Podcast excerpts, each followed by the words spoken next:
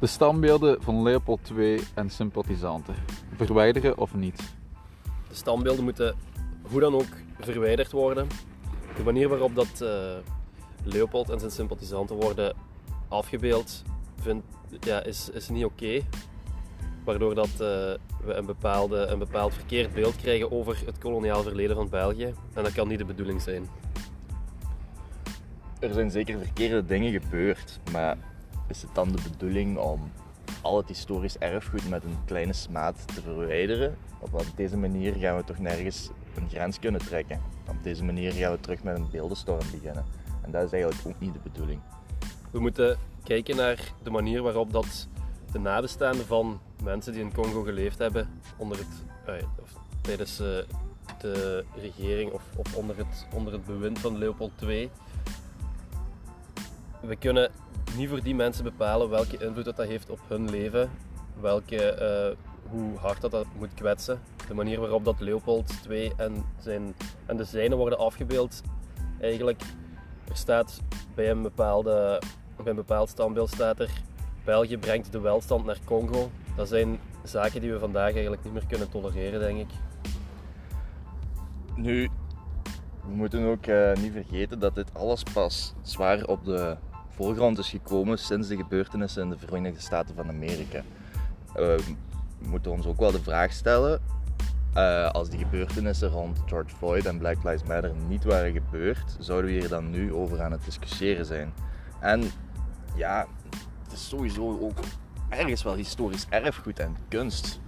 We kunnen niet zomaar alles met, met, een lichte vorm van, van, uh, van wandaden weghalen. Nu, ik ben helemaal akkoord dat er, dat verschrikkelijke dingen zijn gebeurd. Maar uh, we moeten ook niet vergeten dat er zeer veel positieve dingen zijn gebeurd. En dat wordt heel vaak op de achtergrond geduwd.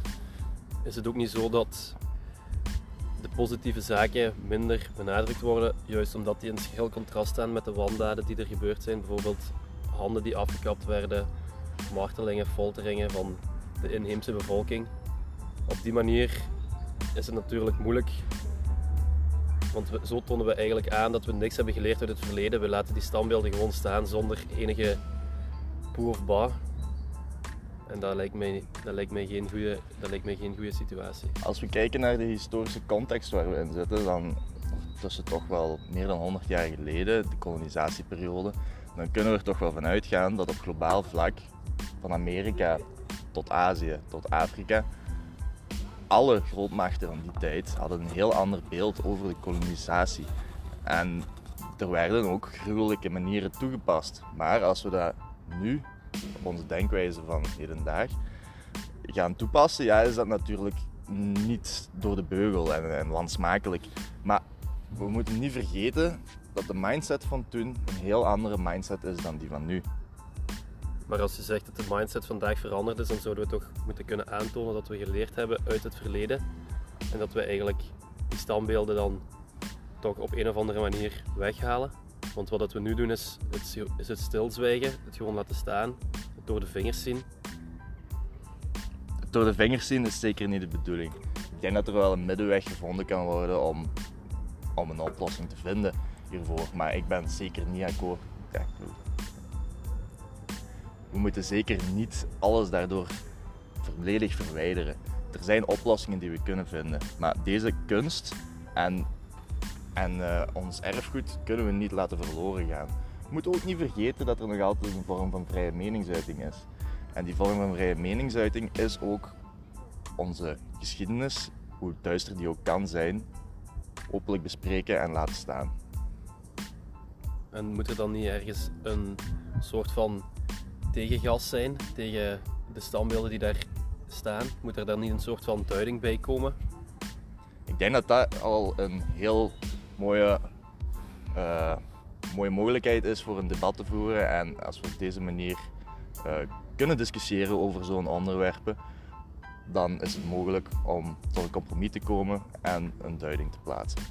Op welke manier zou die, uh, zou die duiding dan tot stand moeten komen? Met wel, welke actoren zouden daar dan invloed op moeten hebben? Voorbereid, welke actoren, wat bedoelt je?